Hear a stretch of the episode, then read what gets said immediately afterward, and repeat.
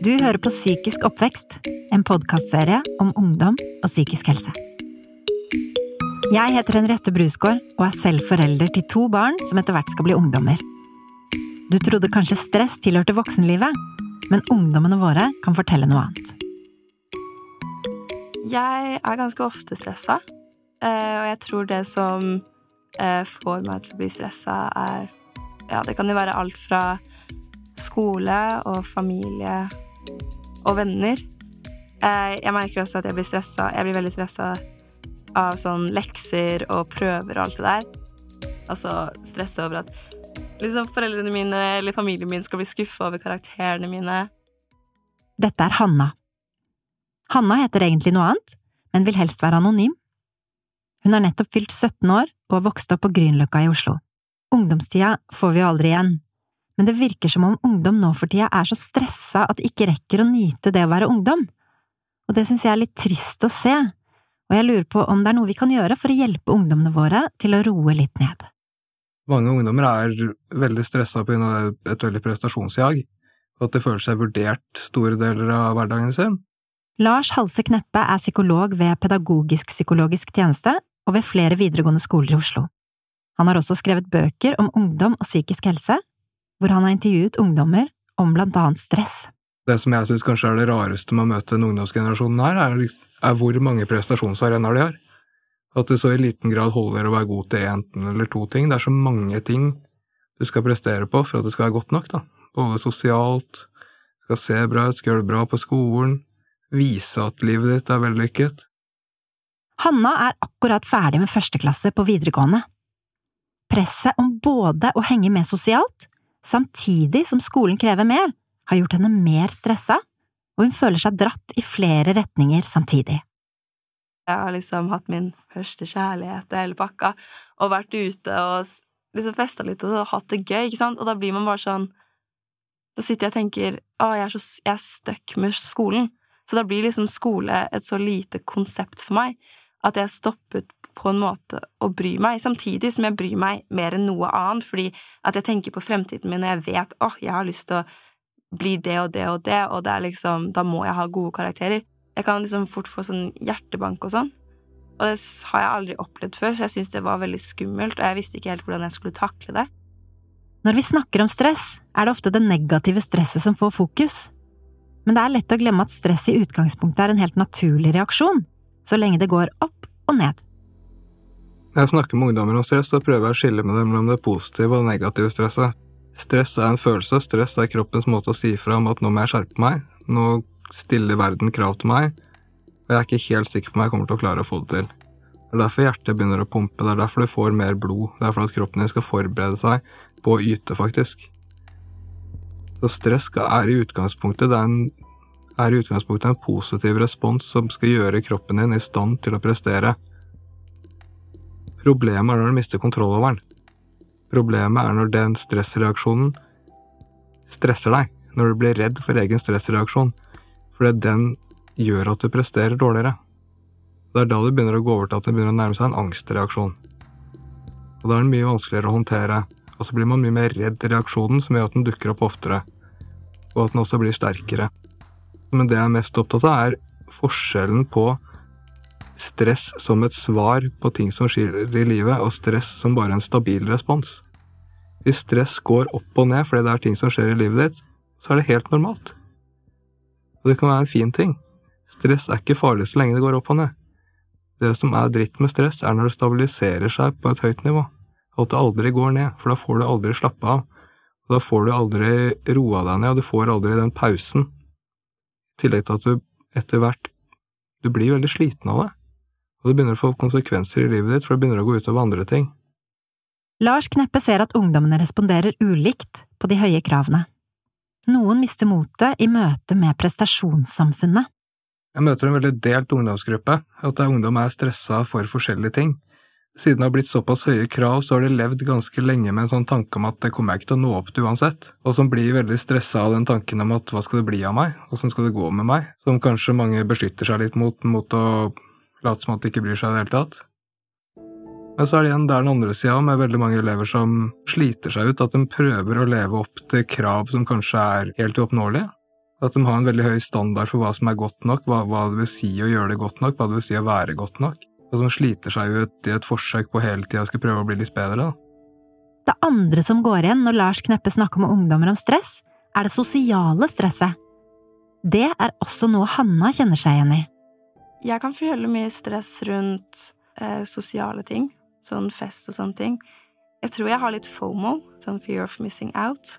At de kanskje løper og nattbader, eller at de eh, snakker sammen til langt på natt, eller at man får liksom sånne bånd eller opplevelser da, som jeg ikke kan få. Det er det jeg får sånn FOMO over. Jeg er så redd for å gå glipp av livet, på en måte. Jeg er redd for å bli voksen. Jeg ble 17 i år, og jeg satt der og var sånn Herregud. Lars Kneppe tror mange ungdommer blir skikkelig slitne av at livet blir en prestasjonsarena. For min del så virker det som om det også henger litt sammen med sosiale medier. Fordi så det er så mange som både kanskje får et litt urealistisk bilde om hvor fantastisk andre menneskers sosiale liv er, samtidig som at de hele tiden får tilbakemeldinger på sitt eget sosiale liv. At de føler et press om å presentere et veldig velfungerende sosialt liv som de veit blir vurdert, som gjør at det er vanskelig for dem å slappe av i situasjoner de skulle slappe av. Hver eneste uke så hører jeg om ungdommer som gruer seg til å gå på fest, for eksempel. Fordi det kanskje er den største prestasjonsarenaen for dem i løpet av ei uke. Livredde for at de skal si noe feil, livredde for hva andre skal tenke om dem, livredde for at hvis de sier noe feil, så blir de kasta ut av russebussen eller blir ikke invitert neste gang. De tenker veldig mye på det der å være inkludert, ikke inkludert. Og det blir alltid satt litt på spissen inn mot for eksempel russetid, russebusser, den type ting, da, for det blir så synlig hvem som er inkludert og ikke. Og det er den største frykten for mange, å ikke være inkludert. I ungdomstida er det det skumleste som fins i hele verden, å være den som ikke er med, den som ikke er inkludert. Og for mange så er det også litt derfor at det å skulle søke seg inn på videregående blir så skummel ting, da. For når du veit at du liksom Kanskje noen av vennene dine kommer inn i en helt annen skole, og du er den som ikke kommer inn. Det er altså et tap av relasjoner, da. Det er mye som står på spill hele tiden. Hanna trekker også frem sosiale medier som noe som øker det sosiale presset hun allerede kjenner på. Hvis jeg vet at jeg ligger hjemme, og så ser jeg på storyen at de er ute med venner eller gjør sånne ting, så sitter jeg og tenker ok, jeg gjør ingenting. Eller så ofte så er det sånn kan man se folk liksom Jeg kan se mine nærmeste venner at de er ute på ting sammen med en liksom Hvis vi er en gjeng på syv, og så er det bare sånn, så ser jeg to av de som henger sammen, eller tre av dem som henger sammen, uten resten, på en måte. Så det blir sånn åh, hvorfor inviterte ikke de meg? Så jeg vet at ok, du var ute og festa lørdag, søndag, mandag, tirsdag, mens jeg lå og sov, kanskje jeg var ute en liten gåtur på mandag, men så var jeg inne. Da blir jeg veldig stressa. Og uansett om jeg gjør noe også, så blir jeg litt sånn Jeg følger jo samme mønstre selv. Sånn, jeg vet at det kan stresse meg, men jeg legger jo fortsatt ut at jeg gjør morsomme ting, og det er kanskje det stresser andre igjen. Men det er kanskje litt det å passe inn, og du vil at folk skal se at du ikke At du eksisterer, på en måte. Ifølge Lars Kneppe kan stress over lengre tid være starten på mange dårlige sirkler, som at man for eksempel sover dårligere, sliter med å spise riktig, eller at det går utover konsentrasjonen over tid så går det også utover selvfølelsen din, og det er kanskje det verste med det. For det er vanskelig å tenke positivt, det er vanskelig å tenke positivt om seg selv når man har såpass mye uro i kroppen. Det er vanskelig å overstyre følelser bare med tanker, fordi det gjør deg mer sårbar, rett og slett. For noen kan det bli en inngang til at de utvikler angst, panikkanfall. For noen kan det bli at de utvikler eksamensangst. Noen kan bli deprimert av det, det er viktig å si at det her gjelder langt ifra alle, det er mange som går rundt med et høyt stressnivå, og det, det går seg til, men det kan være en inngang til litt mer alvorlige tilstander. Men det han syns er vel så trist, er hvordan det går utover den generelle livskvaliteten til så mange ungdommer.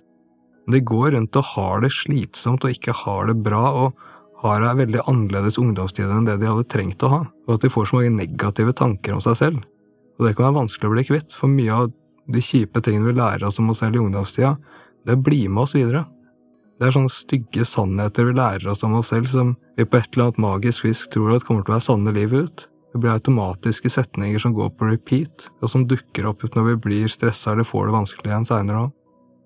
Hanna syns det har blitt vanskeligere å snakke med foreldrene sine om stress, og som mange andre ungdommer velger hun ofte å holde det inni seg istedenfor å prate om det. Sånn hvis jeg sitter og sliter med en skoleoppgave eller har fem oppgaver jeg ikke har gjort, og som skal leveres i morgen, liksom, så sier jeg ingenting. Jeg vet ikke helt hvordan det ble sånn, men eh, det er, det er ikke fordi at jeg ikke kan si det til mamma. Jeg tror hun Eller hun hadde vært sånn åh, hvorfor har du ikke gjort det her før? Selvfølgelig hadde hun sagt det, vedder jeg på at hun hadde sagt. Det er bare det at jeg føler at jeg kan takle, med, liksom, takle problemene mine selv. Og det, det, sånn er jeg alltid. Sånn, hvis jeg er stressa eller lei meg, eller noe, så tar jeg og prøver å fikse det selv først. Jeg går liksom bare og snakker med folk hvis jeg virkelig ikke takler presset. på en måte. Det er vanskelig å vite hvordan man kan nå inn til ungdommene når de blir stressa. Man får så lyst til å hjelpe og komme med løsninger, men ifølge psykolog Lars Kneppe er dette feil tidspunkt. Det her skjønte jeg først etter at jeg hadde jobba noen år med ungdom. For å hjelpe ungdommen din i en sånn fase, så må du bare legge bort alt du har av løsningsforslag. Det eneste du kan gjøre, er å bekrefte dem. Du kan bekrefte at du har skjønt hvordan de har det. Det er det eneste du kan gjøre for å hjelpe dem i en sånn situasjon. Trøst fungerer ikke, de er ikke mottagelige for trøst, de er ikke mottagelige for ros. Eneste du kan gjøre, er å gi en så godt du kan en bekreftelse på at jeg, ok, jeg har skjønt, så ok, så redd er du. Så en ting jeg sier til foreldre, er øv på følgende ting. Øv på å oppsummere ungdommen din. Så det du forteller meg, er at nå er du så redd og du gruer deg så mye at du er sikker på at du stryker i morgen. Ok, så lar du det være med det. Ikke noe løsning. Kommer du med en løsning, så har du ikke skjønt alvoret. Han mener også at foreldrenes egne bekymringer ofte kan bidra til å øke stresset hos ungdommen. For det første kan det bli vanskeligere for ungdommen din å faktisk komme til deg, for han merker at du som forelder kanskje ikke alltid tåler det. Men også at det kan bli en bekreftelse på at nå er det fare på ferde. Et eksempel jeg alltid har, jeg sier alltid til ungdommer med eksamensangst nå skal vi teste en ting. Neste vurdering du skal ha, får du ikke lov å si fra hjemme når det er. Ser vi om det gjør en forskjell.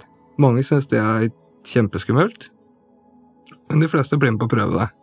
Og Grunnen til at de prøver det, er at for mange så opplever de at mamma og pappa blir så bekymra når de blir bekymra, at de bare blir mer stressa av det. De kommer hjem, mamma og pappa er stressa og bekymra og spør åssen har det gått på skolen i dag. Er du klar for prøven? Klarer du å spise litt? Kommer du til å få sove i natt? Skal jeg kjøre deg på skolen i morgen? Alt det signaliserer på et vis fare. Det sier at foreldrene dine er usikre på om du er godt nok forberedt, om du klarer å spise, at du ikke kommer til å få sove i natt.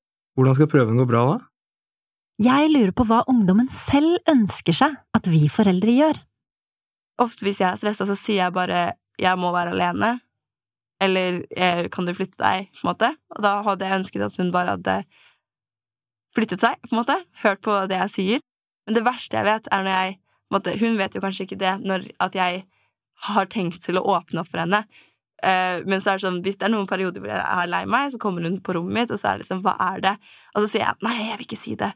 Og så spør hun en gang til 'hva er det?' Så sier jeg 'nei, jeg vil ikke si det'. Og så sier hun 'ok', og så går hun. Og jeg var sånn 'nei, hvis du hadde spurt en gang til, så hadde jeg faktisk svart'. Men noen ganger så det at jeg ikke vil svare heller, og så blir jeg bare sur for at hun spør en gang til. Så det kommer veldig an på. Det er sikkert bare jeg som er vanskelig. Noe av det vi som foreldre likevel kan gjøre, ifølge psykologen, er å hjelpe ungdommene å ta pauser stoppe litt opp før de går videre.